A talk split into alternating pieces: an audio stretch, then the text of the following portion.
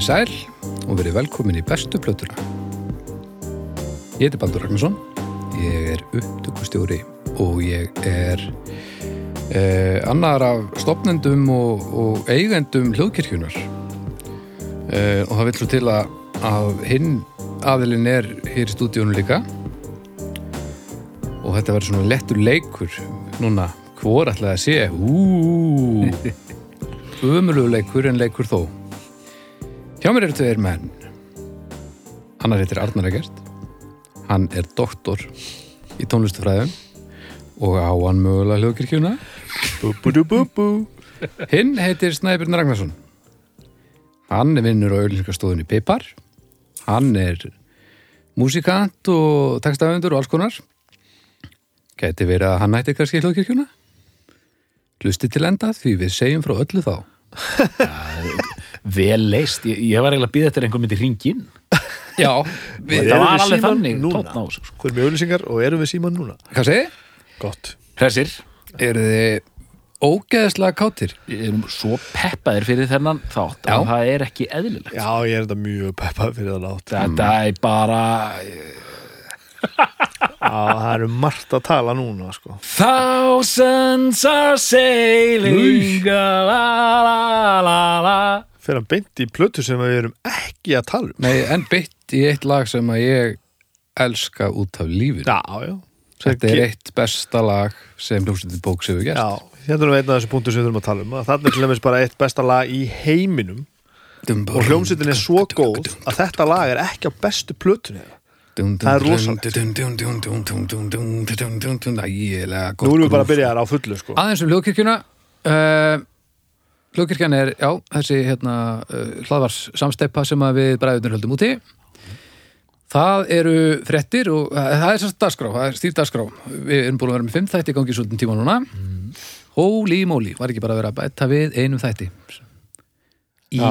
dag. Já, það er ekki eins og pláss fyrir Nei, nei, nei. Að þið eru bara fimm virkir dagar í viku þannig að við erum að tróða við fyrir ekki að menga helgarnar. Nei, nei, nei, nei, nei, nei, Sörga helgidagana. nei, Við fyrir ekki að gera það Þannig að mánudöfum eru dómstæðar Já, Eh, á þriðudöfum þá er að kokkaflakki í eirun á miðugdöfum er að drauga fortíðar á fimmtudöfum er að snæpir tala við fólk og á föstudöfum er besta pleðin mm og nei, hættu nú alveg. Já. já, já, já, því þekki það nú Vili vinnur okkar naglbítur Já. að vera skondin já, uh, og annars var og Viki. Já, og gestir, svona eins og, eins og pláur leifa já, ég veit Mhm, já, en það er sem sé uh, ég er sérst búin að taka upp þetta podcast alveg í svolítinn tíma. Það eru gamlir þættir inni á hlaðarsveitunum nú þegar, alveg 30 plus en frá og með deginum í dag þá er þetta sem sagt kom, orðin partur af fljóðkirkjunni og heldur áfram að koma út á föstum. Þessi þætti voru á, þú veist, rás eitt var það ekki? Jú, Getum við ekki, rásett, rásett, rásett eitthvað svo leys, rúf allavega Getum við ekki, stólið kastljósinu líka eða eitthvað? Jú, jú, bara bara sölsundur já, popland í Hjókirkjunni En þetta er algjör snild, við bara bjóðum þau velkomin Já, og, og þeir tekkið á þessu. Og sko þátturinn sem að fóru loft í dag, ég man ekki núma hvað hann er 307 eða eitthvað, ég, veist, þetta er búið að vera í gangi mjög lengi, þannig að flestir kannast nú við þetta.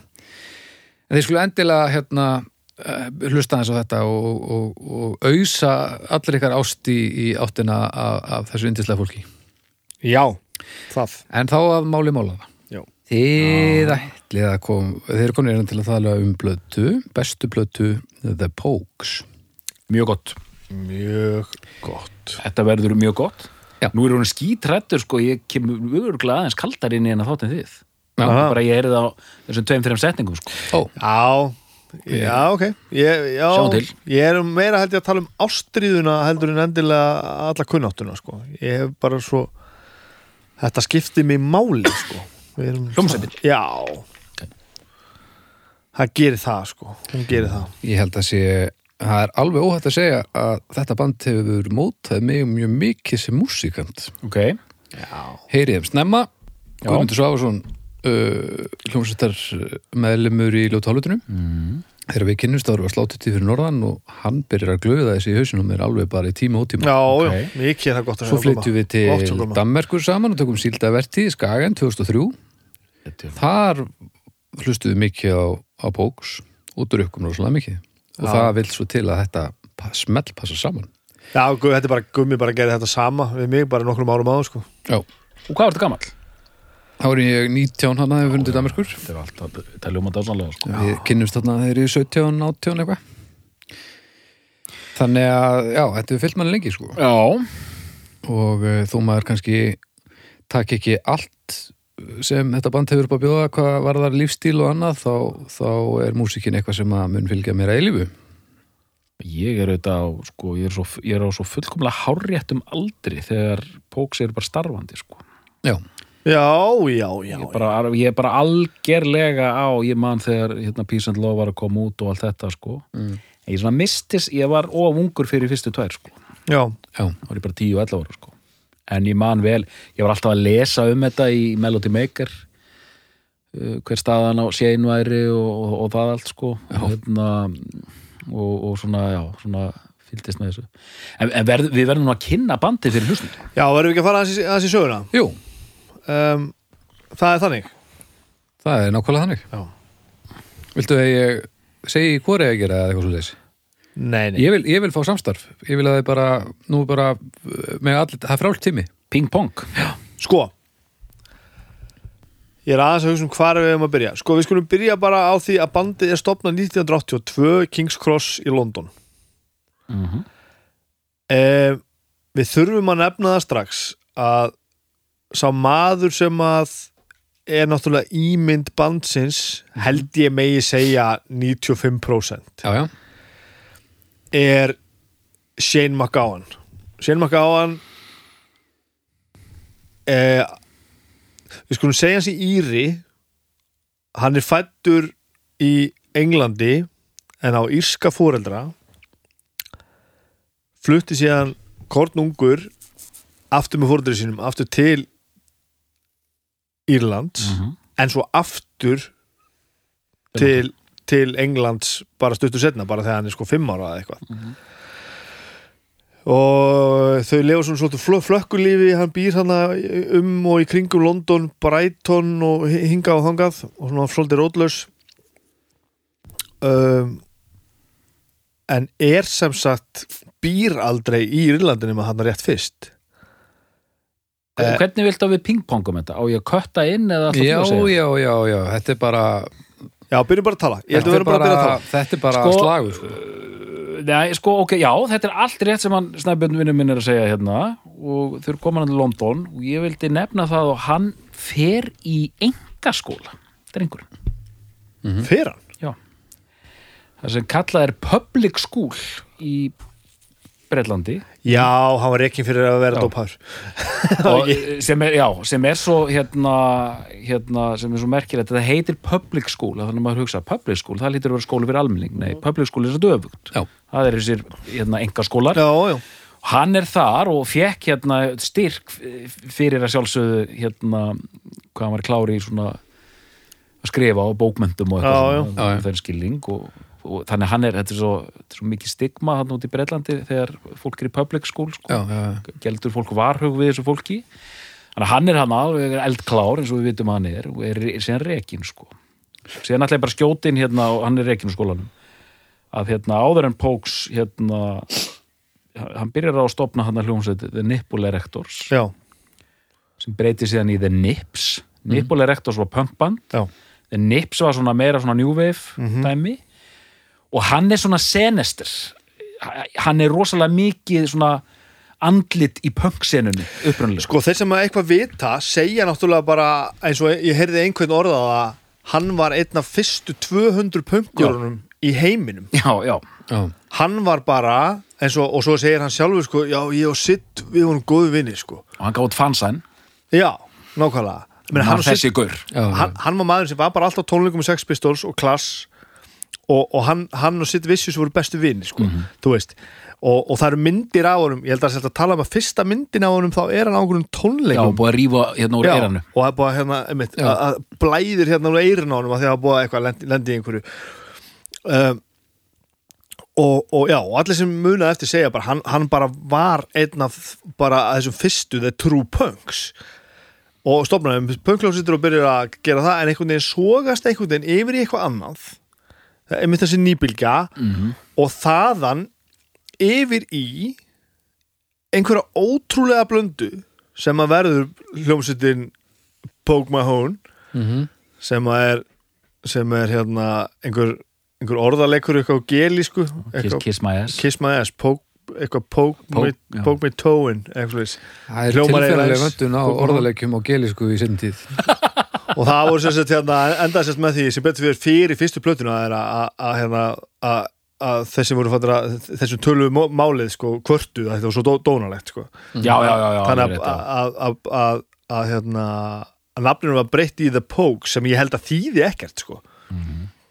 en svo heitir þetta síðasta platt hann þeirra heitir Pogue Mahone Mhm. sem er, sem er efni í, í aðra umráðu eftir. En það sem gerist þarna er það að hann stopnar sem sagt já, ekki hann einn, náttúrulega, hann og Spidey Stacy kannski aðalega og, og þeir hann nægum fleiri koma saman og stopna bandið og hann er eini írin sko Já, ok En ég held þessi ekki að fara rámt með það. Hún var hann að bassa, hún var hann að Kate og, Já, sem giftist Elvis Costello síðan. Já. Kate O'Riordan já, Riordan. Uh, og, en hún er sko sk- að skoskum að skosk nýgerísk eða eitthvað, eitthvað svona alveg, þú veist. Þannig, þannig að það- virðist vera að þessi, þetta ofbóðslega írska sem að náttúrulega er veist, þetta er bara eins og dónalega útgáfan á Dubliners. Já, já, já, já. Þú veist, þetta er bara svo Dubliners hafi bara fengið sér eitthvað annað heldur en bjór, ég veit ekki, það er eitthvað rosa skítið við það. Og listaði nokkra Black Flag plötur Já og það verður bara einhver, einhver það, þú veist ég man til dæmis eftir að fara til Írlands og Skotlands farið inn á þessa pubba sem við veist, við tengjum við, við sem drekkum bjór og fílum pubbana Mhm. uh, og að því ég er nú þannig þengjandi því ég ferðast að þá reynir ég nú kannski að fara aðeins út fyrir túrismann og svona hitta lokalinn og, ég, og það gengur yfir mjög vel í Breitlandi, nei hérna Skotlandi og Írlandi að því að við tengjum nú bara vel þetta fólk líka Mm. oftar en ekki þá er einhver hérna með gítar eða harmoniku eða einhver djöfilin að búa til músík. Og þetta er alltaf svolítið mikið drast Það tala um þessar sessjónir Það sem Já. fólk situr við borðið sem og- er og svona glamra. æðislegt sem er æðislegt, kultúrin er æðislegur og við þekkjum lögin og við syngjum með og þú veist, allt einu réttir einhver mér gítarinn og ég byrja að syngja og spila. Og þetta er æðislega úst, stemningin. En þetta er oft svo lind mm, Ok, já. Og, og, og sko, þetta er aðeins meira gaman í Írlandi að því að írska músíkin er hún er hérna svona einhvern veginn melodiskari og þeir eru aðeins hressari. Skotandir eru aðeins alvarlega Já, já, þetta er svona er er- aðeins meira peppi í rannum og aðeins lengri sögur hinum meginn sko. En sko rjómin er bara eins og kannski með alla aðra tónlist.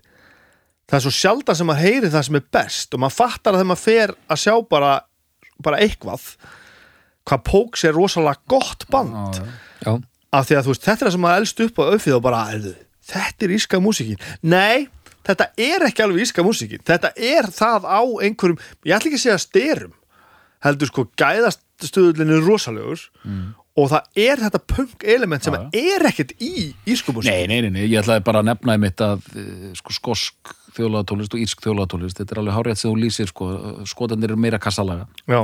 Eh, hérna, Írarnir eru svona kassin þegar búið að rúna naðin sko. já, það er þannig sko það er bara munurinn á þessu tönnu sko. og hérna en já, er sem sagt, þeir byrja að spila þarna. Þeir spila írska þjólaðatónlist með punki, sko, þetta er bara punkað punk, punk og ætla þjólaðatólist þessi yfirlýst hjá þeim að gera það frá upphafi? Ég, ákveðar að þeir, að, gera þetta? Ég held sko að hérna nú er ég bara að spinna sko en ég myndi að hljóma bara sko þessi lög, suma af þessum írsku þjóðlögum er, þú veist, það er grotti í þessu skilur það já, já, þetta, þetta er til staðar og sko. síðan er þetta síðan er þetta tekið sko og hérna, þú veist, slegið svona bæði punki og svona punkanda en þeir taka daldið, ég ætla að nefna það áður en gleymi því að það var, er þetta, það var alveg til hérna fordami fyrir því að taka þjóðlatónlist og slenginu saman við rock Já, já. það voru að tala um eins og. Fairport Convention og þessar hljónsettir uh, sko, Fairport Convention var svona hérna, þú veist, bara þjóðlaga rock er það eitthvað sem að er stórt eða? Eh, það er bara einn ein stærsta þjóðlaga rock hljónsett allra tíma já. Af því að mér líður eins og ég hef aldrei heyrt minna af neittni hljómsveit, ég, ég held ég hef aldrei heyrt hljómsveitarnafn í fyrsta skipti eins harkalega og núna Ég heyr þetta svo lítið, ég, ég þekki þetta svo lítið að ég man ekki hvað sagði þér eins og Hvað sagði þetta heiti? Fairport Convention Af því að þetta, er alveg sko, mín tónlistarstefna en þetta, ég veit sko, söng, söngkonan heiti Sandy Denny. Uh, Plata Fairport Convention frá 1969 Leeds and Leaf er bara svona, svona frum efni Ok. alls þjóðlagarokks eftir það, meðal annars Póks Ok, Ég týndur ok. þarna, maður. Já, þetta, og bara, og, einmitt, hlusta á þessu blötu hún er algjörlega stórkostleg sko. Ok. það er bara svona, maður er bara svona þú ferð út úr líkamann þegar þú heyrir þessa tónlist sko. þetta er stórkostleg Já, sko. já á góðan hátt á mjög góðan hátt, trúðu mér. Það er út úr líka Já, bara, ah, en sko þannig að það er þetta þú veist, þú veist hérna og þannig eru tveir heimar, þannig upprænlega þannig er þetta að taka þjóðlega tónlist sem er bara, þú veist, eitthvað svona skver og íhaldsamt og bara einhverja rætur og rock sem fjallar allt um að vera einhverja nýlundu og hérna viltur og allt þetta. Þessu slengt saman, þeim tekst það og það er verður svona þjóðlega rock bylgi einhver í- á áttunda áratögnum Mhm. en hérna og allt gott með það, síðan komaði svo Klannat, því að það var nú endalega heyrt þetta nafn, Klannat. Írlandi.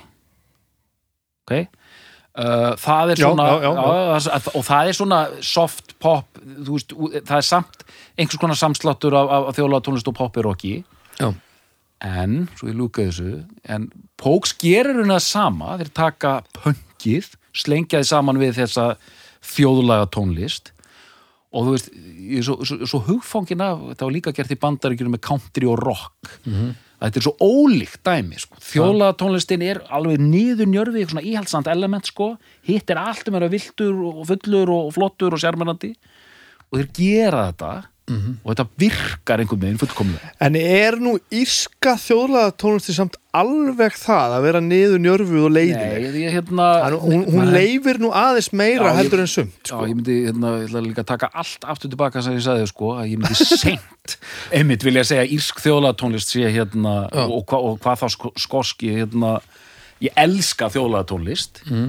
og ég meina, þetta er líka, þú veist einmitt, þetta er alveg, ég meina Dubliners, já, já þetta var sveitt og, og, og menn voru óðir og allt það, sko Já, já. En það er líka þetta, þetta eð, hefðbundna element eins og þú lístir á þann, sko Já, Þú veist, Líka- þetta sé svona, þú veist að lýsa þessu sessjónum, þetta væri aldrei döl. En það er líka bara, það er svo margir sem munið til Dubliners til dæmis, þá eru við náttúrulega bara orðinni þúsund ára og Já, það er svo bara er að setja líka- með er rétt, af því að sko. það er bara ekkert stand eftir Já, við erum, í- já, einmitt, þetta er mjög góð punktur, við erum ekki með þessa tengingu. Nei, Við erum, þetta er bara gamli kallar. já, En förum yfir í hérna póks aftur. já Þeir eru að bræða þetta með sér hann. þetta er sto- stofnað það að gefa svo út plötu 84 er Já. ekki fyrsta platan Red. Red Roses for me. Red Roses for me uh, og hún er drullu góð Já, og hún er alveg drullu góð og hún, hún er mikið bóks mjög góð plata. uh, uh, og þar strax er þetta uh, það er að gera það sem það er svo að gera sem er að spila tradisjónal músík uh, ekki sína eigin sem sagt en taka hann oft bara og, og snúin upp eins og það sýnist sko. já, já. og jafnvel sko að bara taka einhver element úr lögunum og, og, og nota bara á sér eða bara nota helmingulögum eða bara eitthvað sko en strax þarna byrjar að fæðast þessi ofbóðslega laga og textasmíða snild eh, hún nær að mínum dómi ekki neinum hæðum þarna miða við það sem kemur á eftir. Eh, að því sögðu er þetta ljómandi, ljómandi gott sko, en hæðirnar eru ekki þarna sko. Og eins og þú segir, sko, Póks hefði aldrei getað orðið þetta sem þeir, ef þeir hefðu ekki nálgast þetta með, þú þú verður að dissa hefðina, sko, til að geta gert eitthvað nýtt. Já. Og það er það sem þeir gera. Svo að segja, taka lögin, snúa þeim upp, gera bara það sem þeim hendar í þessum sanna punk anda einhvern veginn. spila eitthvað áfram og þú veist, þetta verður svona eitthvað pínu þeng en ekkert meira heldur en það held ég Já, bara spila á tónleikum og Já. bara eitthvað að byggjast upp. og auðvitað náttúrulega fer hann smátt og smátt að vera eitthvað svona íkon hann er náttúrulega nú þurfum við að fara að tala um mannin, Shane McGowan Mm. og við skulum reyna að tala um fleiri en hann í þessum þætti, en það er svolítið erfitt að gera það, af því að hann er náttúrulega bara ein, ein rosalegasta persóna samtímas er ég að fara er Ég, þetta bara, of ég, hátt? ég, ég ætla bara að segja, ég myndi, þó að allir hinir Póks myndu labba hérna í gegnum stúdíu, ég myndi ekki þekkja það, sko. Okay. sennilega saman með sko en hann er bara, já hann er þú veist, come on, það er bara þannig og hann er náttúrulega þessi ofbóðslega fyllibitta já, sko hann er mesta fyllibitta sem að ég veit um Já, já, já, já. og Það er ég veit um mjög margar fyllibittur sem eru mjög miklar fyllibittur en hann er mest. Já, mér, mér líður með, með segin svolítið eins og hann sé G.G. Allen nema með hæfileika og ekki svona viðbjörslega mikill póser. Hann sést það var dottið að einu svona á efinni þá þegar hann var 12 ára. Og hefur fullið síðan. Já. Hann sést að hann fengi fyrsta bjóri sem það var 5 ára af því að það gekk svo erfilega svæfan að þau gáði hún Guinness til þess að hann myndi sofa betur. Mhm. svo hann dotti í það þegar hann var 11 og 12 ára og við það sittur svo var þetta voru einhverja fréttir hérna fyrir 5 ára síðan eitthvað hann hefði nú þurrkað sér eitthvað upp. Hann var að því að hann var á spítala held og gæti ekki, gæti ekki drukkið. Tekur því. Kom að því setna allavega hann er strax farin að vera eitthvað karakter hann og aðeins farin að vekja svona að hann er auðvitað e, búa til einhverja einhverja ótrúlega músík og texta og eitthvað. Já, þetta er 84 85 kemur þessi plata sem við erum ekki sem að nefna sem er besta plata The Pokes sem er þessi plata hérna og heitir Rum, Sodomy and the Lash hérlega fyrir. Þetta er árið setna, er ekki, er ekki rétt hjá mér? Það er bara 84-85 já, já, já.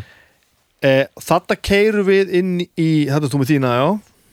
Keirum við inn í, inn í Blómatíma The Pokes eh, Áður en við tölum bara um þessa plötu er plata sem kemur tveimur honum setna sem heitir If I Should Fall From, Grace with God. Þreymur árum setna 88, er hún ekki Já. 87? Nei, 88. 88 og þetta eru tvær bestu plötuna með The Pokes. Ok, það er, það, það, það er bara þannig. Mhm. um, ef ekki klára bara áður en við fyrir að tala um nákvæmlega það sem er hér að gerast. Jú, gera, jú, Jú, gera. jú, jú. ströymið uh, það er náttúrulega 88 uh, það eru tvær plötur eftir næst kemur þessi plata já, Bæ, bætiði við, Römsóttamandi Lass það er Elvis Costello sem Elvis- prodúsar. já, eftir. Þeir fara í hérna, If I Should uh, Fall From Grace With God sem er svona hérna þú veist, hún, sá, hún er poppaðri í einhverju fáránlegum skilningi.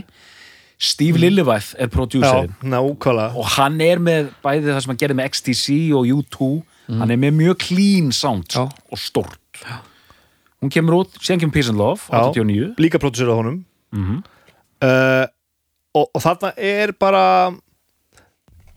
það, hún er frábær Mhm. en, en þú veist síst já, mögulega sko Mhm. um, og það er, það er líka ástæði fyrir því að, að, þær eru að verða lagari plötunar sko. að Shane er hún svo ógeðslegur hann, hann er bara komin út í, út í, út í móa sko. Maður heyrði það líka á söngnum sko. já, hann er alltaf bara hann syngur alltaf bara eins og sé er alltaf bara ekkert í lagi með hann sko, sem hann alltaf er ekki uh, meira, miklu meira tuldur sko. Þetta er þeir alltaf orðnir alveg ofbóðslega frægir sko. Já, uh, sko á hérna á hérna If I Should Fall From Grace, with From God. Grace With God er náttúrulega fyrir til New York sem Mhm. er alltaf þeirra stærsta lag, jólalagið og ólega sem að syngum með Kristíma Karol Já. og, og það sló náttúrulega alveg ofbóðslega mikið í gegn alveg bara, alveg bara svona, var alveg svona bilaður hittar hjá, Mhm. hjá bandi sem annars var samt orðið alveg svolítið nafn sko. eh, þannig að þau eru bara að túra ansi mikið og gera ansi margt og það kom út fyrir jólin 87 sko. já, já og, og, og svo kemur platan út 88 já, já, akkurat já. já, hún kom út í janúar 88 Ah, ok okay. uh, og þarna er alltaf sen bara, bara strax orðin til vandraða sko. Já. hann er bara óáraðanlegur og bara mætir ekki og getur ekkert og, og, veist, Mhm. og bara er glórlus hann er bara alveg glórlus og svo gefur einu pluti viðbót sem heitir uh, Hellstitch Hellstitch. Hellstitch Það, þá fannst mér, mér finnst það vera svona nánast eins og svona fallegur svanasöngur sko. ég hef ekkert mikla skoðun á þeirri pluti, ég veit Nei. ekki alveg af hverju það er þarna einhver svona lög eins og sérstaklega eins og Summer in, Siam sem er bara svona einmitt, það, það er svona eins og hérna þetta er svona ævikvölds söngur einhvern veginn já, já, nú er þetta, þetta var, þetta var ágætt, ég er farin Takk fyrir og góða nótt takk fyrir og góða nótt hvaða ár er þetta? 90, 90. 90. það eru svona Mi- eh, það var eitthvað annað lag hérna baldur líka Saman er síðan og síðan hérna Rain Street. Já, það er einhver svona melankólega yfir henni sko, en, mér- og mér finnst hún betri heldur en Peace and Love sko. Já, mér, ég set svona rosa sjaldan á Peace and Love ég, það er eitthvað sem virkar ekki að það og síðan eru þarna tvær uh, Svo er náttúrulega hann bara rekinn. hann bara rekin hann, hann, þetta bara gengur ekki lengur. Hann er bara rekin og uh, stutt uh, sem segir nú ímislegt um gæði bandsins og, og, og stöðu er það að maður sem tekur við að honum er Joe Strömmur Mhm. en það endist þetta mjög stutt en hann gerði það og var þetta búin að koma inn í bandi áður sem gítalegari sko í smástund. Nokkrum árum áður sko. Uh, en, en bandið móast við að halda áfram í nokkuð mörg ár, þetta ekki 96 eða eitthvað? Uh, jú. Og gefur tvær plötur. Inn í og- 96 og þær plötur sko ég veit ekki eins og hvort við þurfum eitthvað að- rífast um að hvort þær eru nógu góðar af því þetta er bara eitthvað allt annað. Já, já, þetta er rosalega ólíkt. Já, já, mm. uh, auðvitað náttúrulega fyrst og síðast vegna þess að aða lagasmiðurinn og þessi rosalegi karakter sem hann er sem söngvari er farin, Shane já. McGowan. En Spider Stacy tók þetta bara yfir hætti bara að spila flötu og kom bara því yfir einhvern annan og, og, og þetta er svona meira, meira rock líka bara. Já, en að því sögðu hafði reyndar, reyndar bandi þróa svolítið í þá átt. Mm. já, já, að vera meira, meira rock. Þetta var minna hérna hægjart snýrið bassatrómu þetta var meira svona einhver ásláttur bara svona íski stælin sko Já. til að byrja með. Já, já, og fer svo út í það bara að vera trommusett og, og hljómsveit sko. Og Bara- sem gerir svo ennþá meira þegar er farin sko. En það er þarna Waiting for Herb 93 Pokemon 95 Já. ég rendi þeim, þetta er svona, þetta er svona 6 af 10 ég fannst þetta allt í lagi. Þetta er ekki, það er ekkert aðeins já, þetta er bara svona- en, en, en ég meina þú hlustar aldrei á þetta að þú ert Póks aðdáðandi Nei. Þú veist, það er ekkert, Póksið er ekki þarna. Og, og hann gefur síðan út plötu með Popes. Svo, svo stofnur hann Shane McGowan and the Popes og svo Sem eru stór- hljómsveit er enn starfandi. Er starfandi? já, hún er starfandi. Án Ha. hans, eða? já, Nei, jú, jú. Ok það er merkilegt. Það bara, þú veist, ég fór í Wikipedia hérna, former members, bla bla bla bla Shane McGowan nú, nú verðandi meðlimir, bara eitthvað lið. Að sálsög, Hvenær var hann- skal mjólka. Hvenær var hann reikinn?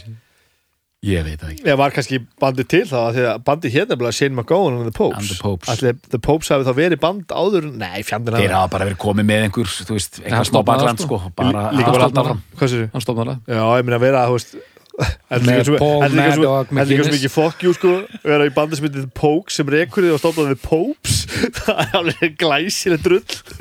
Og hættur í báðum böndum sko. og já, já, svo stundum náttúrulega bara já, og svo, svo náttúrulega bara kemur hann einhver pása og svo náttúrulega bara kikkar sko, kikkar náttúrulega bara hvað er að segja? Lífiðinn að þeir eru ekkit óvinnir þeir bara gátt ekki unni saman og svo náttúrulega er bandið úr svo risastórt og, og pressan er svo mikil að gera eitthvað að bandið kemur svo saman hann ekkert bara aldamótum. Og túrar bara á fullu. Bara, þeir gera bara djöfull mikið sko.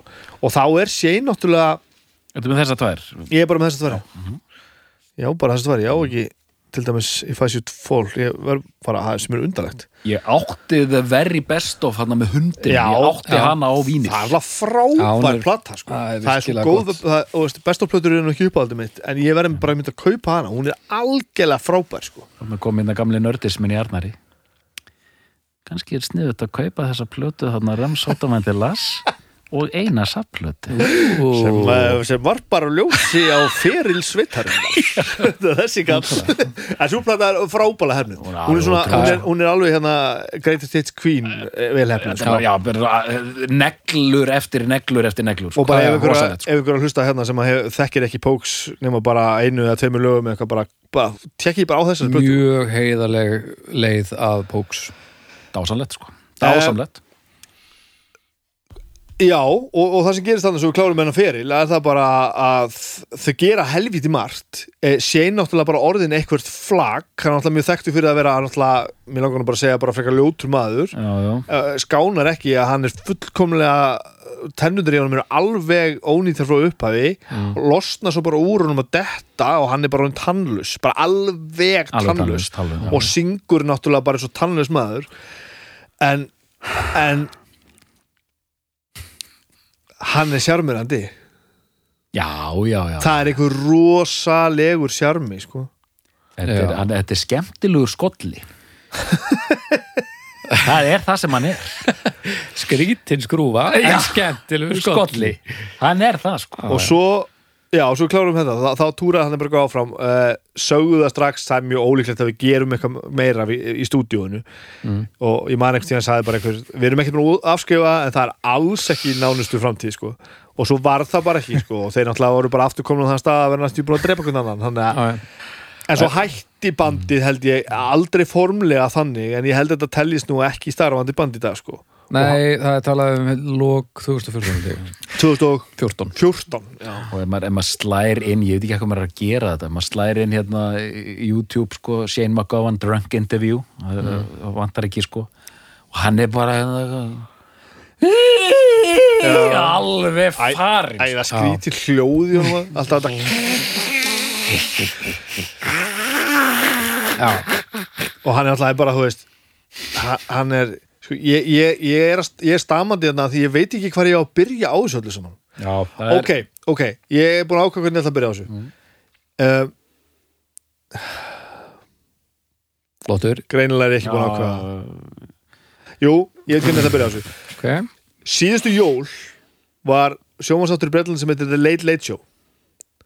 Og þar voru, var verið að hylla Shane McGowan og þetta er svona klukktímaprogram þar sem að fólk kemur saman og talar um hann og það er istótt band sem spila lögina svo hann syngur eitthvað pínu af þeim og annað fólk að- syngja af þau eitthvað. Já, þetta er ísku þáttur, já. Er þetta ískur já, þáttur? þetta er íst og hann er náttúrulega algjörlega ógæstlegur hann náttúrulega hefði búið að smíða upp í hann tennur núna en hann náttúrulega allir svona lamaður eitthvað neins samt framann græmyndi og hann er bara svona grágrætt og þvalur Þetta er bara, bara, bara, raunsson lýsing. Og, og, og svo ef þið náðu ekki, að ekki að klippa nógu vel þá sér maður sko hann er í miðri setningu og þá lekur slefið bara svona niður á hvíta skiptukragan hjá hann sko. og hann er bara hann, er, hann er bara draugur. Sko hann er búin að drekka viðstöðlust frá því að hann var 12 ára. Já, og þú veist þetta er ástæðan fyrir þú ert svona eins og þú ert sko. en, en þetta er samt svo yfir þér, þetta er svo skrítið að horfa á þetta og hann er svo ógislegur Þetta er bara ríkalegt sko. Og, hann og, er 62 í dag. og svo er þetta tennundan í honum sem er náttúrulega veist, 50 ár. þetta, þetta allt saman. Fyrir fimm ára síðan þá datt hann. Á leiðin út úr ykkur stúdjói og hann er í hjólastól síðan, bara hjólastól í fimm ár sko. uh, hann getur nú ferða, f- sest, ferðast um á hækjum sko, að það er önnu löppina á hann virkar ekki sko, eða illa allavega. Og græðir ekki, hann er, hann er alltaf sittur svona einhvern veginn skakkur. Og hann er svona sviplaus með svona einhvern veginn skelfingar svona Já, já. svona starrandi augnar á sko. Og maður veit ekki hvort hann er með okkur sko, er hann að hlusta? Og, og hægur, sko. rosa hægur og einhvern veginn svona, Og veit það- ekki hver og maður líður svona svona sem er svona tunnel vision þannig að hann er alltaf að snúa höfðinu svona þeir sem hann er að horfa á. Já, og hann, hann, hann situr sko og er að syngja. Þannig að það er að sitja á sviðinu hann alltaf getur ekki staðið. Og, og hann er að syngja og hann alltaf, þú veist hann er að syngja lögin sín sko falskur og, og eftir og missir úr kjú og veit ekkert sko. Er ekkert er uh, og svo talað við hann og talað um hann og, og þetta er svo ótrúlegt að sjá hennan þátt. Það eru sj- þú veist, sjónvarskveðju frá Liam Neeson frá Paul Simon nú að risa stórum karakterum sko. Mm. og hann og Johnny Depp er einhverju geðvikir vinir sko og bara öll tónlistar elit hann bara horfir á hann bara veist, sem, sem er eitthvað svona algert séni.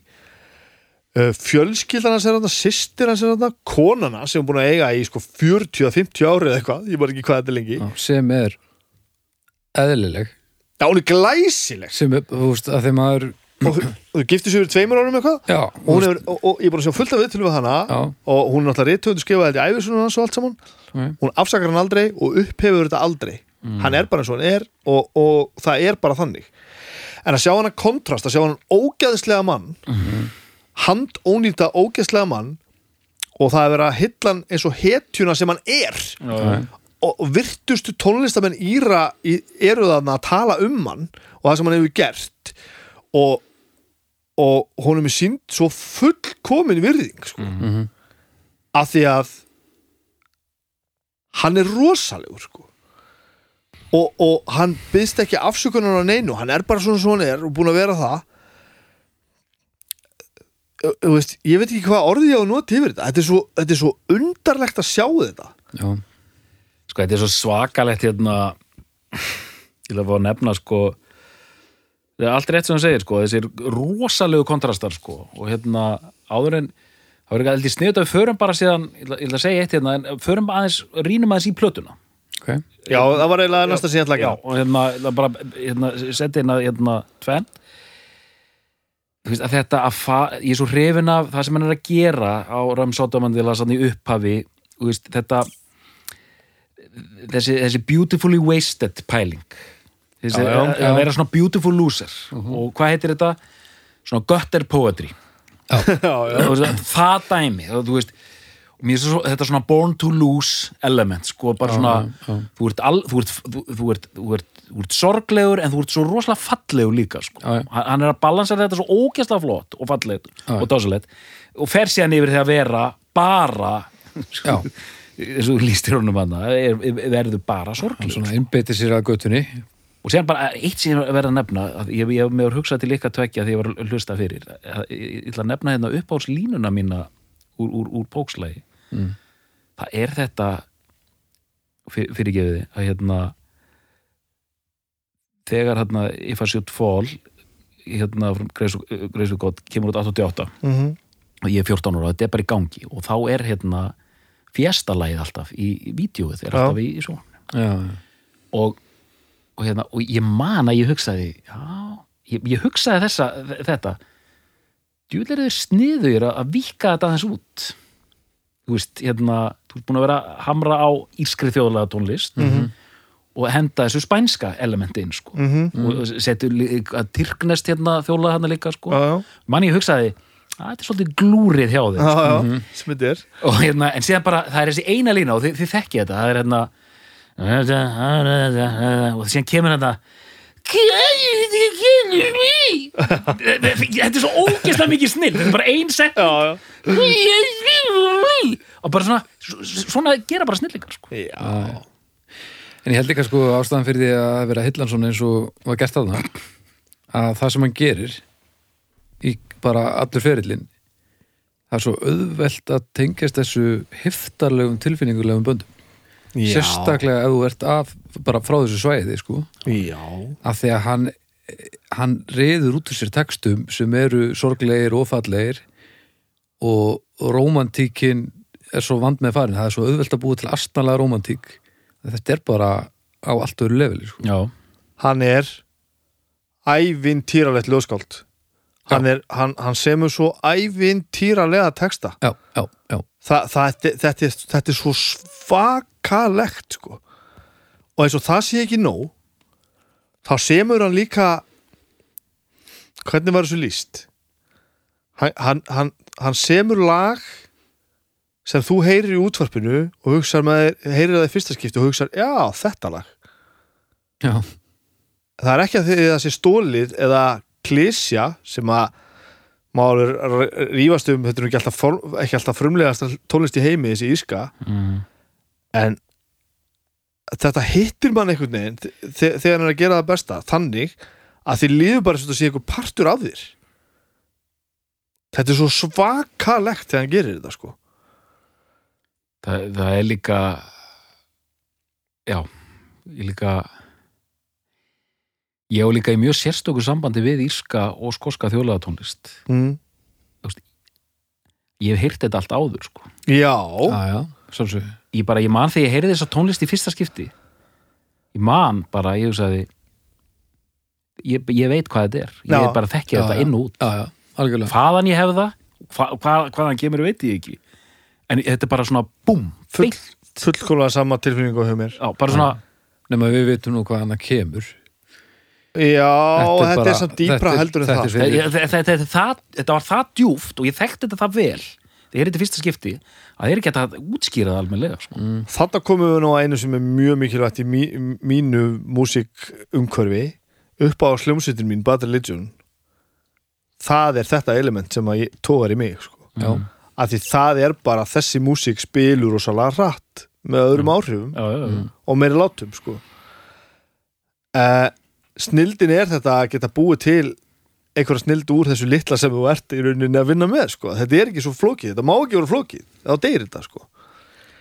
Ég held líka það sem þeir gerðu til dæmis með þessari plötu ok, þetta er kenningi smiðum, ég veit ekki alveg hvert ég er að fara með þetta, en þetta var sagt um Fairport Convention á sínu tíma að þau tóku gömulög gamlar hendingar settu ramaskítar og, og trómur á þetta og það satt, sko, lægið hérna, hvað var satt hérna Sandy Denny getur tekið nýtt lag og láta það hljóma eins og þessi þúsund ára gamalt mm. og tekið þúsund ára gamalt lag og láta það hljóma og það verið sami í gegn Já, þetta er, þetta er frábær fr frábær lí- líking sko, þetta er nákvæmlega rétt þannig að þeir eru einhverju krakka eða unglingir hendin í þessa plötu að þú veist, þeir eru að vinna með einhver gömul þjóðlaða minni Mm. en þú veist, skiptir, það skiptir einhver máli sko. þú fær bara þessa rosalegu ástriðufullu stórkostlegu músík bara beint í hjartað sko.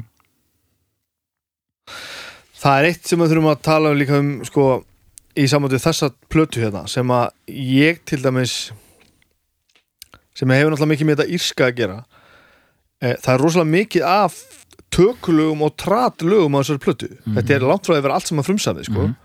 og venjulega var það pínu svona dílbar eitthvað hjá mér. Já, en sko írska partíð þar sem þú veist ekki alveg hver er í hljómsveitinu og hver er bara að horfa já, að því allir syngja og ef þú langar að vera með gítar og bara tekur gítar sko. Eh, mér finnst þess að mér hafi pínu verið leift að vera með í partíinu. Ég hlusta á þess að bara herri, hérna krakkar, ef við ekki að ef við ekki að hérna ef við ekki að spila þetta lag, þú veist? Mm. e ef við ekki að hérna ef við ekki að hérna ef við ekki að byrja setni hliðina á hérna Dirty Old Town? Nákvæmlega. Þú veist, af hverju erum við að gera það? Það er eitthvað stór undarlegt við að gera. Það og svo, svo bara, bara lög eftir aðra sem er ekki trat, eins og síðasta lagi hérna The Band Played uh, Waltzing Matilda sem er náttúrulega bara, þú veist, bara eftir einhvern ástrala held ég sko. Förum í gegnum þetta lag fyrir Erik Bogle uh, Þetta byrja náttúrulega á The Sickbed of Kukalin já, bara, sko, bara titillin þú veist, þetta er mystíst þetta er svona þetta er írst, þetta er svona veist, þetta er eitthvað svo geggjað. Bara, bara hvað lagið heitir, þá er maður strax bara The Sickbed of já, Ég bara man þegar ég heyrði þetta fyrsta lag uh, þetta lag fyrsta það. Mm. Þetta var bara allt sem mér vantaði Þetta allt sem ég þurfti. svakalegt sko. Þetta, þetta, þetta er bara þetta er eitthvað essence sem er ekki til neins annars staðar sko. hvað er næsta lag? The Old Man Drag, Old Man Drag. Ó, það er svo flott. Ó, jöfull er það flott. Og textin sko. Þetta er bara When I first came to London I was only 16 With a fiver in my pocket And my old dancing bag. I went down to the dilly To check out the scene And I soon ended up on the old main drag. Svo er lagið svona erindi eftir erindi eftir erindi og það gerist ekkert í því nema það er einhver svona stígandi sko. já, já, já, já. og maður Já. bara, þú veist, maður bara svona fyrir að reyfa sig einhvern veginn og, og verður þyrstur og, og fyllist af bæði gleði og sorg í Já, einu og, Þetta var lengi síðasta lag fyrir brennivínu stöða og þetta er svo ævintýralegt sko Wildcats of Kilkenny kemur er næst ótrúlega flott Það er punk er er. Bassin Það eru þessi lög sem að hittu mig fyrst sko. Það var þessi kyrsla sko. Já, kyrslan sko Það er bara, þetta var lögin sem hittu mig ekki það voru þessi, þessi rólegu tregafullu lög sem hittu mig sko Út svo dramatískur Ég er svo mikið dramadróting sko Ok, fjórðalagið I'm a man you don't meet every day er mjög fyndið að að láta einu stelpuna í bandinu at the time syngja það Kate syngur það Já, það er flott, I'm a flott lag. man you don't meet every day Það er tratt Það er trat, já Mm. uh, Svo kemur besta lag alla Ah. ratíma Já, já. sem er að pair of brown eyes Það er ekki hægt Ég verð bara, sko. ég verð bara að vera fullkomlega samanlag sko. Það er besta lag hægt. sem að hefur verið sett niður á fast form Það er illa gott lag Þetta er bara ótrúlega, maður fer eiginlega bara að gráta bara þegar maður heyrir þetta lag nefnt. Þetta er ótrúlegt lag sko. Förum núna yfir eitt áður en við höldum áfram með lagalistan. Þessi plata kemur út 85 Hann er fættu 57 sko. Já. Þetta hérna er samið að manni og flutt hérna hann er 28 ára.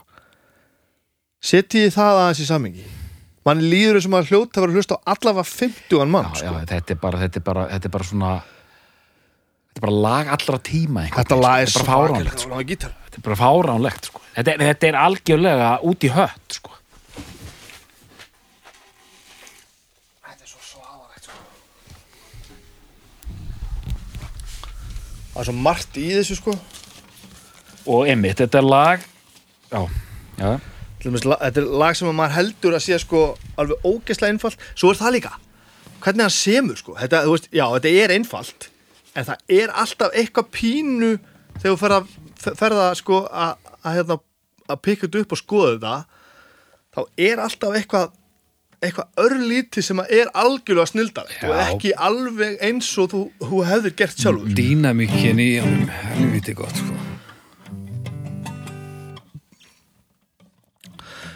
Því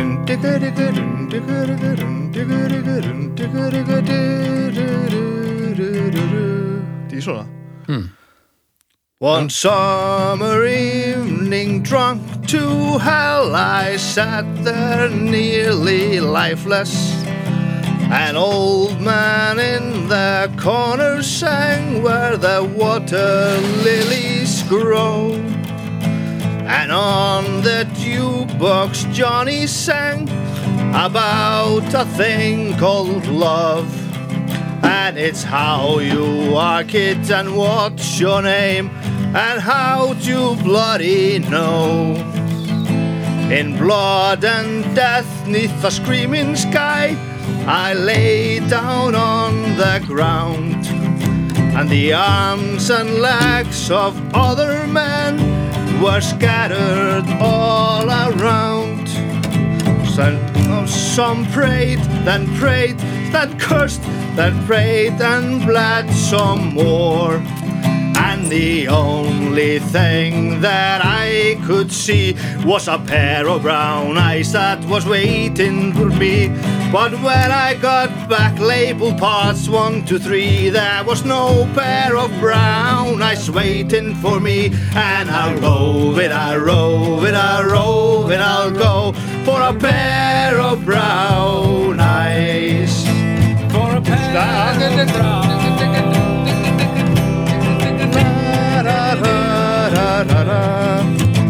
I looked at him, he looked at me. All I could do was hate him. While Ryan Philomena sang of my elusive dreams. I saw the streams, the rolling hills, where his brown eyes were waiting. And I thought about a pair of brown eyes that waited once for me. So drunk to hell, I left the place, sometimes crawling, sometimes walking.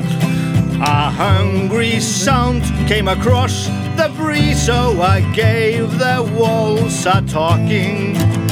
And I heard the sounds of long ago from the old canal.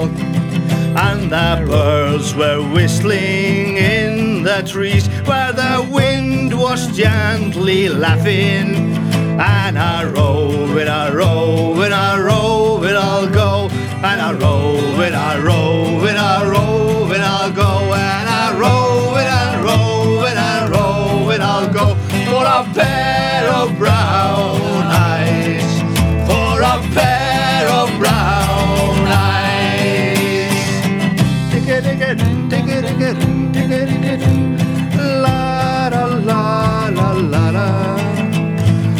dum da ga da dum da ga da ga dum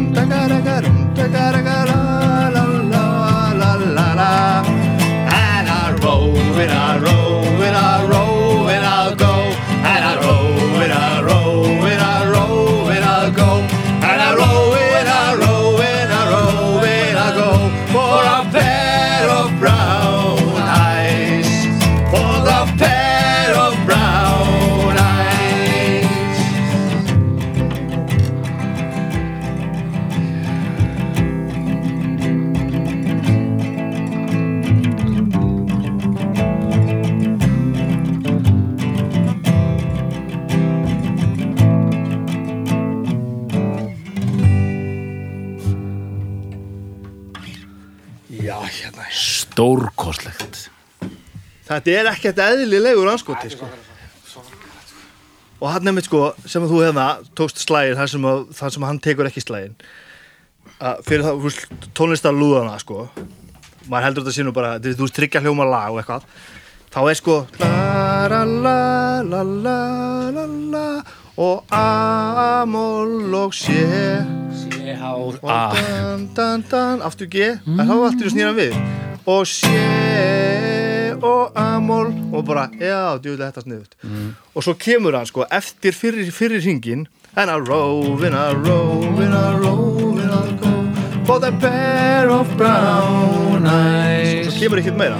Bam. Já, já, Þannig já, að já. svo, líður allt lagið og svo loksins kemur bara Rovina, Rovina, Rovina í endan For the pair of brown eyes. Og svo á allt í nú For the pair of brown eyes. Bara fyrsta skeitt sem er loka Fyrsta skipti sem er lokað og nýr hljómur þessi þegar kemur djeð þann inn og maður bara hvað er að gerast hvernig, er, hvernig, Allt hvernig og gerður lag, þetta? og þetta eru, þetta eru sko þetta eru fjóri hljómar og einn er að notaður einu sinni og það er ekkert fancy við þetta ekki neitt. Þetta er svakalasta lag sem að ég bara þú veist, þetta, er, þetta er svo rosalegt sko. Já, ég held að þetta lag það nú, og nú er að hlustendur bara ákveða uh, hver og einn hvort að að það sé ánætt með það en ég held að þetta lag, það er nú bara hægt að skrifa ljóta hálfutina á þetta lag held ég. Já, ég meina og, og bara þessa plötu sko það, til dæmis það nú getum alveg tekið það fram að við höfum aldrei spilað þetta áður sko. Og, og kannski flutningur var kannski svolítið eftir því að fokkum við bæði læg og texta. Þetta var mjög hérna. En að bara þannig. heyrist það að við erum ekkert óvanir að gera þetta. Bæði þekkjum við lægin náttúrulega eins og ég baldur ógeðslega vel. Og við getum alltaf rætt þetta núna að, að þú veist mjög stór partur af því að ljótu hálfvitaður eru voru stopnaðir og eru svo þeir eru er póks þetta er ekkert flókið sko. já, já. þetta er bara sama uppskipt á mjög mörgu leiti Já, já. og þetta fokkett element sem að Póks eru með, það er að gera hlutina eins vel og mögulega getur en hafa nógu mikið fokkett í þessu þannig að það sé ennþá skemmtilegt svo er þetta komið reyndar að því að þeir voru rosalega gott liveband sko. Eins og ljóta hálfutinni Já, minna En, en, en Fokkit elementi kemur alltaf með honum að því að hann syngur bara einhvern veginn og falskur og voðalegur og glæsilegur og megasar eitthvað sko. Ó, þetta, er ekki, svo, þetta er svo svakalegt sko. uh, þetta er svo, Svo já. síðasta lagi á allir er, er Sally McLaren og, og það er til dæmis bara og ég ætla ekki spila hlæðið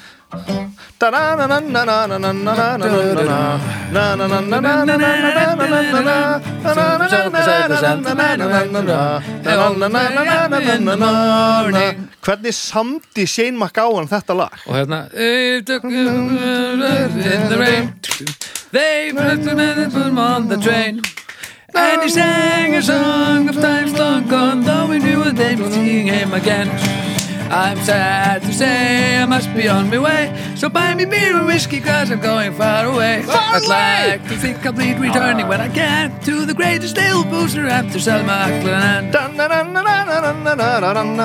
Þú veist, ha ha ha ha ha og bara hvernig hann syngur á þessari plötu það er rosalegt hjarta í gangi Já, sko. rosalegt því gustug sko. pæli líka í því hvað ég var heppinn að finna þessa plötu á sama tíma og ég var að byrja að drekka Já, er náttúrulega- Við náttúrulega erum ekki að tala um sko, þetta er náttúrulega drikkjutónlist allra drikkjutónlistar það er bara þannig, þetta er bara samið og, og fra- framkvæmt til þess að drekka við það sko. Samið fyrir lifurina Svo, Svo- já, Svo kemur bíliðið, Dirty Old Town. Sem er bara og, svo, og svo Real krullet og skemmtilegt já, já og svona það, það er svona það sem held ég það er svona lag sem The Masses fíla jafnvel og, og, næstu því best. og, og, og, og, og þá er líka eitt sem gerist sem að ég þér að tala um, um áðan sko. þarna finnst mér bara eins og ég sé velkomin í partíð það er ekki dótt sem að mér finnst bara allt í lægi að taka bara tökulu og blanda þeim saman við sín eigin. Og eitthvað svona klísju, eitthvað bara dirty old town. En ég já, mm. og, og þannig bara ef ég hef verið í þessu partí og þeir eru bara ákveð að taka dirty old town, ég er bara alveg sáttu við það alveg, sko. Svo kemur annað tratt Jesse James. Mm sem að það er svona, kannski svona hann syngur það alltaf ekki. Ég man ekki hvað syngur það. Skiptir ekki öllum máli. Slattalögum svo kemur Navigator. Það er ekki eftir þá er það Navi getur það ætti að vera eftir Iron Maiden en Navigator, Navigator. Já, það er ægilt ærum meðlega Billy Bones sem er sennilega, veist, það er svona kannski óeftirminnilega eldur en mörg á öðru, öðru, öðrum lögunum hans hérna, hans Shanes hérna. Uh, Gentleman Soldier. Er það ekki tökula, ég held það. Þú veist, fullt af tökulögum sko. En svo kemur Ender Bond Plate Volsing Matilda sem er langa, langa lagi þarna eftir einhvern, einhvern spaða þarna. Mér finnst það alveg ótrúlega flott lokalag sko. það er, og, það Það er bara geggjað sko. er Erik Bógul heitir hann einmitt. Rosalegur svona ópur sko. já, og og, og þarna einmitt bara. Gentleman Soldier, það er traditional en Erik Bogle, hann er skoti en hann, hann flyttur til Ástralíu já, snemma. og þetta er eitthvað og sko 25 ára flyttur hann og líka sko umslagið heitið á plötunni mm og líka bara hvernig hún sándar þarna er bara þarna er balansinn bara fullkomin sko. hann kemur allt heim og saman sko. svo er eitt ó, hérna, Volsing Matilda so they collect, collected the cripples the wounded, the maimed and they shipped us back home to Australia. The armless, the legless the blind, the insane. Those proud wounded heroes oh, þessi texta brot og þetta allt saman, þetta er svo geðveikt. Eitt þurfum að nefna henni viðbútt sem að ég neita að stíga frá. Er það, það er lagina sem er ekki hérna. Nú, sem að er tekið upp í sama sessjóni. Sem er Rainy Days of Soho. Já, ok, Rainy það kom út á Days in EP Soho. Soho, in Soho, off Rainy Night in Soho. Rainy Night in, wow, in Soho.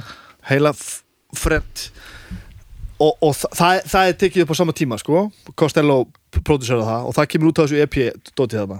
Og ég einhvern veginn tel það alltaf bara með þessar plötið þarna, Já, ég veit ekki af hverju, af Hvernig var það aftur? Þetta er eitt af þeirra frægustu lögum. Það er hérna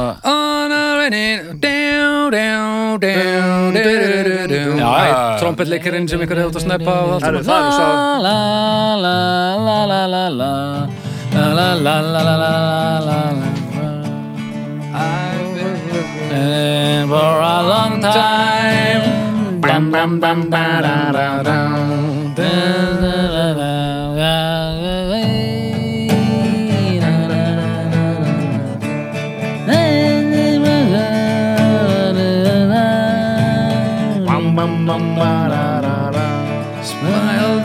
funny little ways.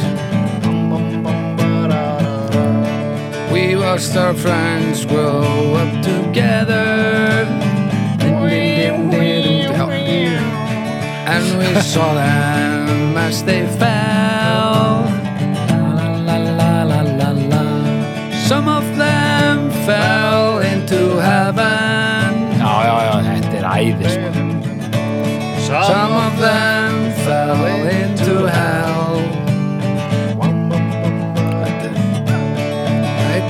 shelter from a shelter Svo bara heldur Svo þetta þetta á bara enda, enda, enda, og, end, og endar á þessu hérna, er það ekki bara Sometimes er það I ekki wake þarna up you in are the the measure you are the measure of my dreams. Sometimes song it's nearly over.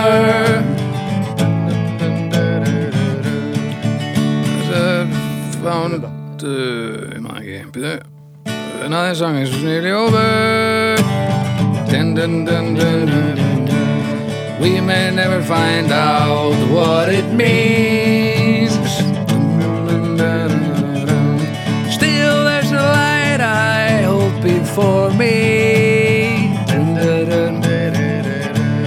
You're the measures of my dreams The measure of my dreams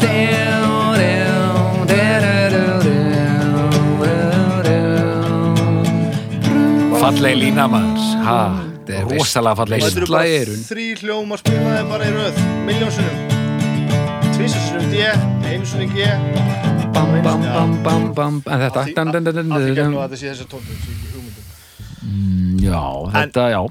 Já, já, sko já, svo kemur náttúrulega, þú veist hérna næsta plata, sem er þremur á setna ég átti ekki, með, ekki á þetta að vera svona langur tími.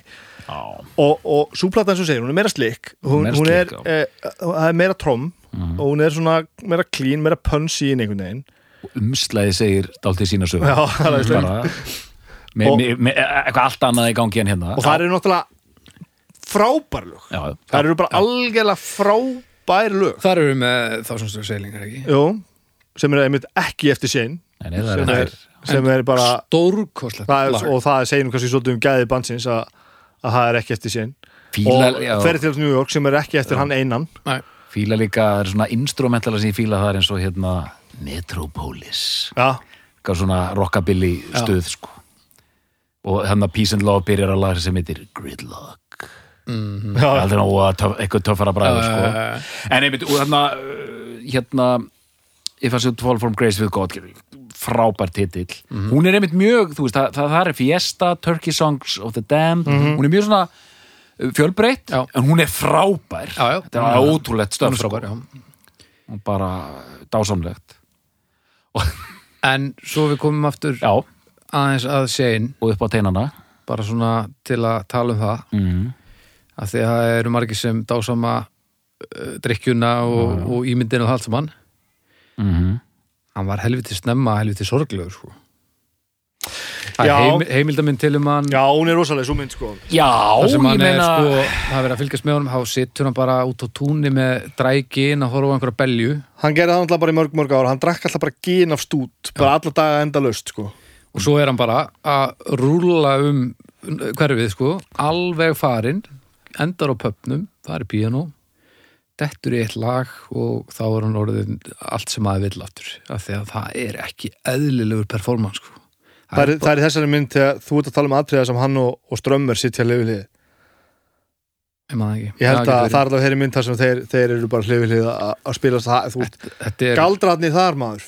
Fjandinn hafið það sko er en, en sko Máli bara sko, það, einmitt, það ég, ég er bara sammála sko, þú veist, því sem þú ert að segja að, að það eru takmörk fyrir þessu Mm. Þú veist, ég hef jafn gaman og hver annar af einhver sögum að mötli grú og eitthvað svona sko, Já. ok, ekki gott að mig, það var líka mjög ekstrím, já, en bara þú veist, eitthvað svona fyllir í stælar og flip og fjör, bara já, fínt sveiplandi einhverju viskiflöskum upp á sviðu og allt það Mm. Ég, bara, að því að margir vita hvaðan ég kem sko, að, þú veist, mér finnst þetta bara þú veist, mér finnst þetta líka töff og cool og eitthvað svona la la la og sérstaklega maður yngri. En þarna og við, maður finnur það bara í sér þú ert komin bara yfir bara, eh, ég er bara svo pyrraður að því að við fengum ekki fleiri svona plötur sko. já, já, ég skil. Þetta skrifast alltaf á það þetta Já, ég skil, því að við, hann gæti ekki hætt að drekka og vera ógisleikur því það var svo mikið af þessu hann átti uh, smá vandamál að stríða hann var mjög fljótur að tæma sig en já, Já. veist, og það hefði verið svo gaman að aðeins eh, eiga hann heilan aðeins lengur sko.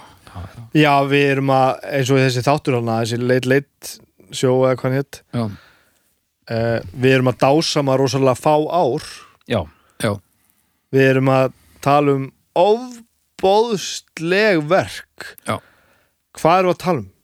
Fimm ár kannski. Mm uh, annað sem að uh, hefur farið svolítið hátt er það að hann hafi svolítið verið að feika þetta. Í byrjun þá eða, alltaf, alltaf. Að, að, kannski upp að einhverju marki eh, að feika þetta, ekki feika þetta en, en alltaf gengist rosalega mikið upp í þessari ímynd. Já, já. dettandi Já. á sviðinu og, og missandi kjú og veist, missandi hálferindi og, og sleppandi línum og eitthvað svona að því hann var svo full í kallinn sko. já, já. já, og veist, að sé bara þessi tö- tö- töffaragangur að vera fullur sko. en það, en ég veit ekki hvort að það er satt eða, eða logi en, en sko, það hefur verið það er eiginlega bara markaðsending. jafn sorglegt fyrir At vikið the sko. time hefur örgulega virkað sem markasending en eh, svona til lengur En mér, mér finnst ég, mér finnst ég sko, en, og það er alveg skuggalegt sko, því að það kom hann að plötur 84, 85 og síðan einhverjar EP-plötur 86, svona, þú veist, við erum með fá ár, Mhm. þar sem maðurinn er gjössanlega að slá í gegn, sko. Strax á If I Shoot Fall 88, þá, þá heyrir maður aðeins sem maður rí- rýnir í, að þetta er svona aðeins byrjað að, botnin er að byrja að detta út úr þessu, mm. bara sér hverji sem er lögin og, og það allt, sko. Síðan er þetta runni farið þarna Peace and Love og, og Hell's Hits og finnst góð pælingin sko að veist, þetta er þetta það sem verður með svo mikið í rockinu sko, Jim Morrison og Nick Cave og bara all, allt þetta lið, allir þessi kallar sko. Mm. og hérna en, en hann eins og þú nefnir að, þetta er líklega bara svona íktasta dæmi sem hefur séð sko. Og, og þetta er svolítið hann húrrast svolítið fljótt ofsalega mikið niður sko. Já, og veist og, var samt mjög slæmur nú þegar hérna og það er það sem ég er líka að pæla sko, ef maður er að væla yfir einhvern plötur sem aldrei urðu, veist, hefðu þessar plötur orðið svona ef hann hefði ekki verið eins og hann var hann var ekkert, Það hefði aldrei orðið það hann var ekkert bara að, að taka lýsið sitt og mæti stúdíu Nei, nei, þetta, einmitt, þetta er auðvitað það er, ég er algjörlega sammála því sko þannig að þetta er, þetta er pínu erfið staða svona hvernig maður á að líða með bakkus gagvart þessu bandi sko. Og þetta kemur, voru við ekki að tala um svona snapshots of time hérna áðan sko. Jú, þessi einmitt. plata Það er nú einhvern svolítið ástæðan fyrir þessu var einmitt þetta að ég byrjaði að tala um þetta við hann í bílum þú, sko, þetta er árið er 85 Mhm. punkið er búið postpunkið er rauninu búið líka þetta er 85, það sem er í kringum þá er rosa mikið Simple Minds og, Djóran Djóran og, svona glís Já. Uh, þeir eru að vinna áfram einhvern veginn með þetta er rosa svona einstakt dæmi á, á þessum tíma. Um, uh, og þú veist ég var einmitt að hugsa sko munið þetta er hljómsveitinni The Man They Couldn't Hang? Reyngir þetta einhverju bjöllum? Engum. Nei, það var svona Pogues Light mætti segja sko. Já, já, það, það var sama eh, bara þjó, svona írst þjóðlega rock sem voru bara svona hljómsveit sem var starfandi á sama tíma. Ok. En hérna en, en minna þekktari getur við sagt. Síðan En, eru og í hvað er lútt að vera margir samt svona óþólandi sem segja þeir séu miklu betri. Og, ég, nei, og það er og, og það er eiginlega slæmt sko að því ég held einmitt að þeir eru mjög viðurkendir sem svona Bíliðin. Póks fátækamannsins og þessi, þú veist, ég meina og það er meira af svona þjóðlaga rocki, það er það, það er band frá Skotlandi sem heitir Rönnrig sem er svona keltnest Já, ég man því. Og síðan er þetta Waterboys sem koma hérna með Fissimans Blues 88 en það er, veist, það er miklu meira, veist, ég, ég elska Waterboys sko, en það er meira clean. Það er meira rock, rockband. Það er meira svona rock, meira svona eh, traditionelt, sko, hann var að reyna að vera bara Fan Morrison og Bílarnir eða eitthvað líka En það sem kemur í, það sem kemur í í- beint í kjölfæri á þessu er hinum með hafið sko. þar eru með sko Dropkick Murphys Já, já, Flogging Molly og Já, það allt saman já, sko. já, sem, já, og, og þa þar eru við eiginlega með blöndu af því sem við talum á hann Bad Religion og því öllu saman og þessu sko. Já. já, já, já, já, og þá eru við sett ennþá meira punk-element Já, ramaskítar og svo leiðis blanda saman við þetta sko. Já, og haldið mjög mikið í trat hljóðfærin og það allt já, það er að spila tratt hljóðfæri ofan á og sko e, þeir hafa eitthvað unnið held ég með til þeim Dropkick Murphys sko Pokes alveg pottit, já þannig að þetta er alveg sami pottur sko, en það er alltaf Boston. Boston band ís, Já, já. íska tengingi það er alveg Nú þurfum þið að fræða miðbræður eins og Dropkick Mur- Murphys er, er þetta alveg band? Já, band? mjög, Já, já, já. mjög, mjög eh, lang, langlíft og bara svo, svo, mikilvægt fyrir þessa bara þennan legg sko. Það bandariska take á þetta sem kemur að, aðeins síðar það er rosa Boston að mikið íska Boston stemningin er, er, eru þeir sko, alveg allaleg sko. Mhm. en það, já, það er svona amerískar punkarætur undir því Mhm, og þetta er svolítið sett sama með sko. Já, já, já, já Þannig að það er svona enn en, en þróunin sko. en enda þessu sé ameríska punkið er bara mjög skilt þessu hérna sko. Nei, einmitt, einmitt, einmitt, þetta er alveg hárétt hérna, svo- svona heldur þessi leggur áfram sko. en þú veist, það er einmitt þú veist, þegar þeir eru að gera þetta 85 og svona, það var ekkert ég, ég man ekki til neinu nema þessu bandi sem, sem enginn eftir sko. Nei. og Votabæs allt annað dæmi, það er ekkert að bera það saman það var, nei ég læt að tala Ég og, og þetta er svolítið áhugavert að að sko að einhvern veginn að því ég þú veist, ég er að kynast þessu svona í kringum 90 upp úr 90, bara sennilega þegar best of platan er þarna og gummi er bara að spila hana fyrir mér úrlega. Mhm. já, upp úr því alveg. Já, aðeins setna vantala ég, ég er úrlega farin að drekka brennivín sko, svona 16-17 ára. Hún kom út 91 hún kom Það er- það er 91 góð svo sko og þannig að þetta er ekki örugglega 94 eitthvað sem ég held hlusta á þetta Hvað, ég held að Ég man var ekki að voru drekka fyrir Hvað? Já, ég man alltaf að það voru ekki hættir. Þetta, þetta stemmir ekki allt saman, þetta heldur ekki allt saman vatnið á mér. En hérna uh, þá fannst manni alveg eins og þetta væri einhver menning í kringum þetta. En svo fyrir að leita núna að svona tónlist og þetta er eiginlega algjörlega uník band. Það Já. er ekkert sko og svo þegar við stofnum hálfvitrana 2006-7 Mhm. þá er þetta rosalega mikið til hliðsjónar. Öll þessi hljóðfæri uh, hvað eru margir veist, við erum níu, þeir eru hann átta svona ish, svona aðeins á reiki uh, og þetta allir að vera með og syngja og ég meina á annarkvæmt lami ljótu halvutunum með bara Pokes rip-off sko, alla leið sko. En, hérna, en ef þú fletti kannski upp á hérna, Last FM, svona Pokes og ferði þarna similar bands forvitin að heyra bara hvað, hvað, hvað er nefnt sko. ég ætla ekki að við fáum bara fáum bara hérna fáum? Flogging Molly og, og, og Dropkick Murphys hvort, hvort, að- hvort að einhver ensk bönd hérna, þetta er þannig inn sko. Mhm. en, hérna, hvað er samt samtíða og nála Já, þarna, já, sko, er svona- veist, það er bara Similar, similar to The Dubliners The Mahones ekki ekki Flogging Molly okay. The Tossers Dropkick. Murphys Waterboys Waterboys The Real. Mackenzies já, þetta, það er svona Chieftains Chief, já, Þannig erum við bara komin í Já, það og er miklu eldra já. Þannig að, já og svo bara heldur þetta áfram í, í einhverju gömlu ísku sko. merkileg sko. þetta er stórmerk Real McKenzie en svo, er kom- stiflilu fingur sko. já, en það meikar samt alveg sens og Billy Bragg. Já, og ég ætla já, að segja bara XTC og þetta, er, þetta er þar sko. Undertones. Já, er- en, en sko Billy Bragg og Stiff Little Fingers það meikar alveg ég góðan er Já, Fiddler's Green þetta er, já, þetta er bara en hérna já, já, já Sinnit og Conor er mitt sigaði löggun ykkur tíma á séin Já. er að hérna að sigaði, já, hún kerðan kerðan fyrir fyrir að að, hérna að eiga heroin já, og hann var alveg kerður og hann var alveg brjálaður. En setna var hann hann frekka gladur þannig að þetta hjálpa sér mikið við það að hætta að nota heroin þannig að við erum allir mikið að tala um þetta eðlilega neyslu bolta sko en, en ég mar- hann hætti. En ég meina þú veist, Lemmy var fullur jafnlengi sko, hann varði ekki svona. Nei. varði einhvern veginn strax svona sko. Já, já. ég veit ekki hvað þetta er, hvort þetta er, þú veist, blanda af ég held sem magn sko.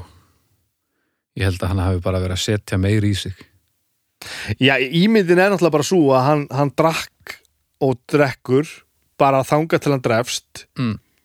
og þegar hann vaknar aftur þá byrjar hann aftur að drekka þanga til hann drefst Já. það verðist ekkit vera neitt, neitt sko ef hann hættir einhvern tímann á þessu eina fyllir sem hann við farið á þá ætla ég að vona að einhver sé með trejó já, það er mitt En konuna sagði hann hefði, hefði hætt hana þegar hann, þegar hann datt hann á leiðin út úr þessu stúdíu og, Já. og brákaði á sér að braut á sér Já. mjögmagrindina, pelvisinn var það ekki bara rétt á meðan hann lá eða? Jú, þá lág hann á spítala í einhverja vikur eitthvað og hann bara, það var ekkit brens og hann var bara edru, hún sagði að hann væri mjög skemmtilegur.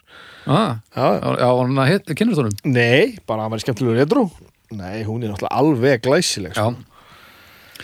Það er mjög skyttið að tala um snillinga sem eru svona hellaðir. Hvað á maður að gera? Á maður að upphefja, Já, þú veist, ógeðis hátinn, það er svolítið erfitt að gera það, en það er líka mjög erfitt að horfa framhjá því hvað þetta er stór partur af hver maðurinn er. Já, og bara en hann átti efnið er svo mikið um þetta líka. Bara svo, þú veist, hérna Katsirinn er ræði eftir J.D. Salinger bara gefur út þess einu bók, gerir ekkert meira sko. hann fær bara þennan glugga já, 2-3 ár og, og bara að þetta kom út og þú veist, þið voru að tala um snillinga sko, að þú veist, bara, tökum bara lagið, þú veist, hérna A Pair of Brown Eyes. Það er nóg, þetta er bara nóg til að bara, þú sért bara ég er að fá öll Nobelsvælun heimsins bara Svo skilur, rosalegt lag, sko þú, þú dettu niður á, á eitthvað svona sko. bara tekur þetta einhvern veginn úr hérna hann, hann, hann, hann fekk hennar glugga en síðan er hitt bara þetta, þetta er mjög sorglegt Eh, ég, við getum talað eins um það líka sko. þegar auðvitað er þetta sorglegt sko. ég, ég, ég myndi vilja nota það orð sko. En þetta passa náttúrulega, passa náttúrulega alveg inn í írsku stemninguna í, eins og í þessu, þessu lægi til dæmis og öllum þessum lögum það er þessi trega blandna gleði. Já. já, já, og við erum einhvern, einhvern trega fullan hátt að hylla einhvern snilling sem er já. þú veist, þetta er einhvern veginn þessi og, og íratnir einhvern veginn sem er, er að hylla hann hana sem sinn eigin sko geta einhvern veginn bara hort framhjá því hvað hann er. Af því að hann gerir engum neitt. Mhm. hann er ekki íllmenni hann er allt annað það, hann er ljúmenni og, og, og, og, og ennþá svolítið rótækur og rífu kjaft sko. uh, en, en þeim er alveg saman hvort hann er að slefa á skirtukragan sinn sko. þetta er bara maður sem samtið fer til, fer til of New York og, og, og Hann er náttúrulega í dag er hann 62 62 sem ára því er hann búin að vera fullur í 50 ár. Já. en hann lítur út fyrir að hafa fundist í kumli einhvers staðar, hann er alveg hann, lítur út fyrir að vera svona 300 ára. Já, sko, eitt sem ég samt velti fyrir mér sem ég veit ekki hvort maður á að vera eitthvað að fara út í því við erum alltaf bara að tala um einhvern, einhvern mann út í heimi en, en hann virkar á mig og hefur enda mjög lengi gert eins og sé bara eitthvað veikur. Ég er ekki að segja að sé ekki, sé ekki veikur bara vegna þess að hann er búin að drekka svo mikið brennivín. Að hann er bara svona sviplaus allur og svona hangandi í framann með svona tóm starandi augu. Þú veist auðvitað er þetta vantalega bara eitthvað sem brennivinni hefur gert honum skilur Mm. en, en, en, en mann líður ekki eins og maður sé, sé að horfa á drikkju skemmtan mann heldur meira bara bara, bara langlegu sjúkling bara fár veikan mann sko. Ég held líka uh, sem er líka bara auka við þetta ég meina hann var víst að ná pöngárunum þá var þetta, hann var svona orkubolti sko.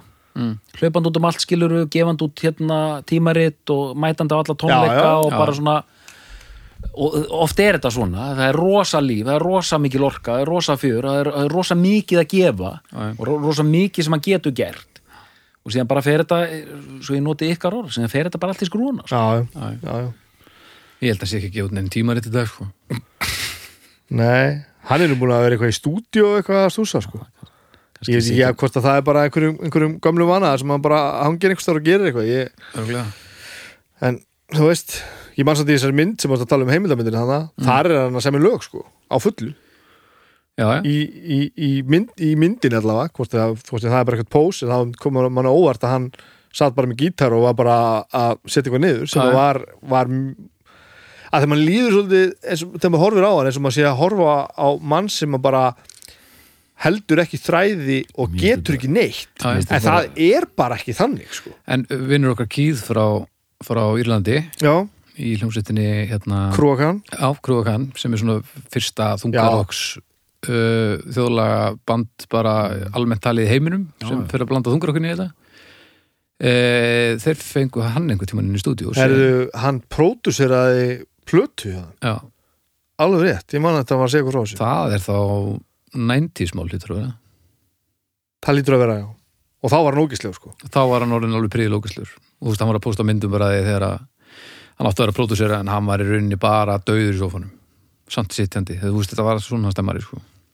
alveg rétt og, og þú þarft að vera helvíti öflugur sko, það var myndasessjón á honum og hérna Marky Smith úr Fall og, hérna, og Nick Cave sko Nick Cave bara eins og okkur kórdrengur við hliðan á þessum töfum mönnum þetta sko. Já, hann er nú kannski líka einu maður sem er náða að snúa eitthvað stað við já, já, hann, þetta, hinn, Marky Smith líka var, það var mjög svipað element og þetta Já, svona svipa ógislegur já einhvern veginn. mikið, mikið út úr heiminum sko.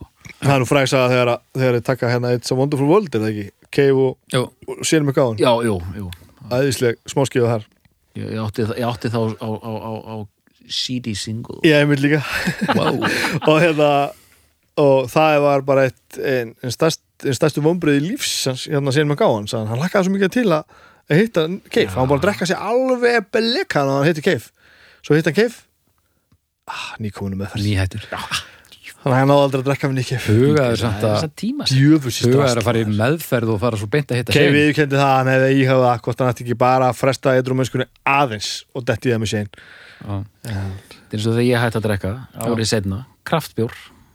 Já, það var árið já, Æ, en nú er komið kraftur fyrir, fyrir, fyrir fólk með sjúkdóm. Þannig að það er, það, það hérna það er nú gott.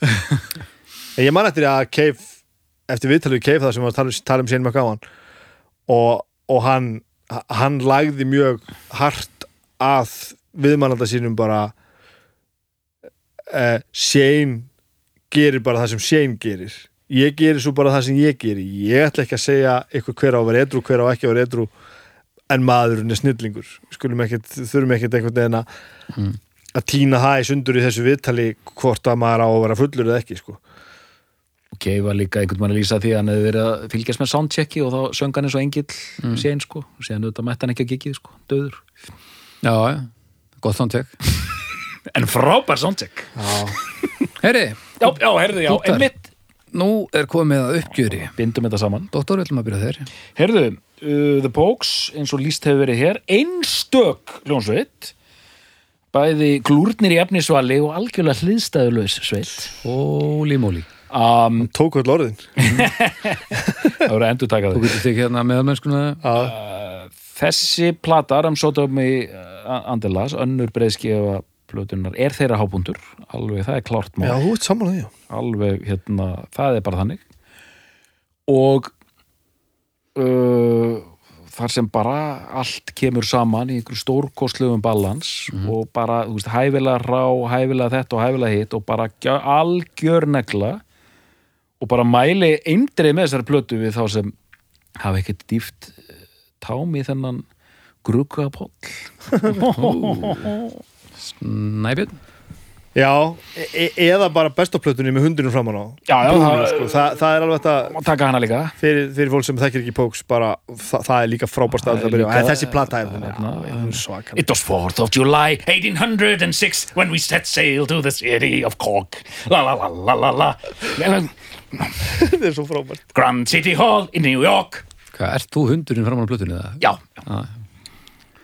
Snabbi, Já uh, Þetta er bara hljómsveit sem að hefur bara haft aðeins mikil áhrif á, því, á það bara hvernig ég hugsa tónlist og, og, og, og, flytt hana og, hvað ég geri.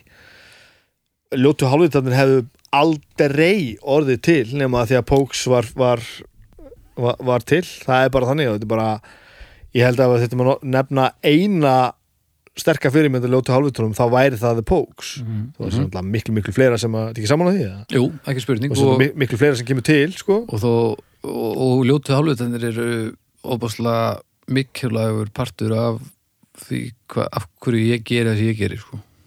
já, sama með mér þannig að þetta er mjög mikilvægt band Ég að- mjög ég mikilvægt held að mjög margir sérstaklega með okkur tvo því að við erum í svo há alvarlegri þungarhljómsitt jú, segðu. Haldi að, ljótu mm. hálfvitarnir séu bara eitthvað svona hjáverka hobby sem skiptir minna máli. Það er svo heiminn langt frá því sko. ljótu hálfvitarnir eru bara það sem ég þykir bara hver vænstum í heiminum. Já, já, þetta er bara, við hittum á eitthvað ótrúlega magnað og núna hundra árun setna erum við sömu nýju ennþá í sama bandinu. Og það er ennþá jafn hryllilega gaman. Við erum búin að gangi í gegnum ævinn til að hluti saman og í sitt hverju lagi. Við erum miklu langlífari heldur en The Pokes. Þú veist, allavega svona í, í stóra saminginu uh, og það er enga mannabreitingar skilur við, við stöndum okkur vel hvað þetta var en, en, en, en, en sko hugmyndafræðin er þarna og þetta að blanda saman sko glettni og alvöru að það sé hægt að vera fyrst fyndin, svo yfirgengilegur og svo tala bara um eitthvað sorglegt og allir með að vera með. Það er einhvern veginn það sko. Mæta bara upp á svið og búa til músík og allir, allir með að vera með. Og þetta er einhvern veginn bara Eh, svo er þetta einhvern veginn að setja puttan á þetta Þetta er, það er eitthvað punk element á þess að vera fráhrindandi sem er þarna, allir að vera með einhvern veginn, sem er í- írska fjölskyldu ís- írski fjö- fjölskyldu fílingurinn þegar að halda skal tónleika. Eh, þetta kveikir eins og þetta sem við erum að gera náðan spila þessi lög það er ekkert rosalega margar hljómsveitir sem að kveikja svona stert einhverja tilfinningar. Eins og maður byrja bara að syngja bara þegar loksins kemur bara Pair of brown eyes og maður lifti bara höndunum og, og, og, og þú veist og þetta bara, þetta bara nær manni bara alveg. Og maður fyrir bara hroll og tár í augunum bara og þú veist. Ég hef ekkert meira að segja. Þetta er bara þetta er, já, Þetta er eitt af þessum fáinskiptum þar sem að ég verð að lýsa því yfir að ég er mjög samanleikur báðum. Þetta er mjög mikilvæg plata og ég segi við alla þarna úti sem hafa ekki hlusta á þessu plötu látið vaða og njótið. En Snæbjörn er þetta besta plata bóks? já Doktor, er þetta besta plata bóks? Já, Við þakkum fyrir í dag og við heyrumst að viku liðinni.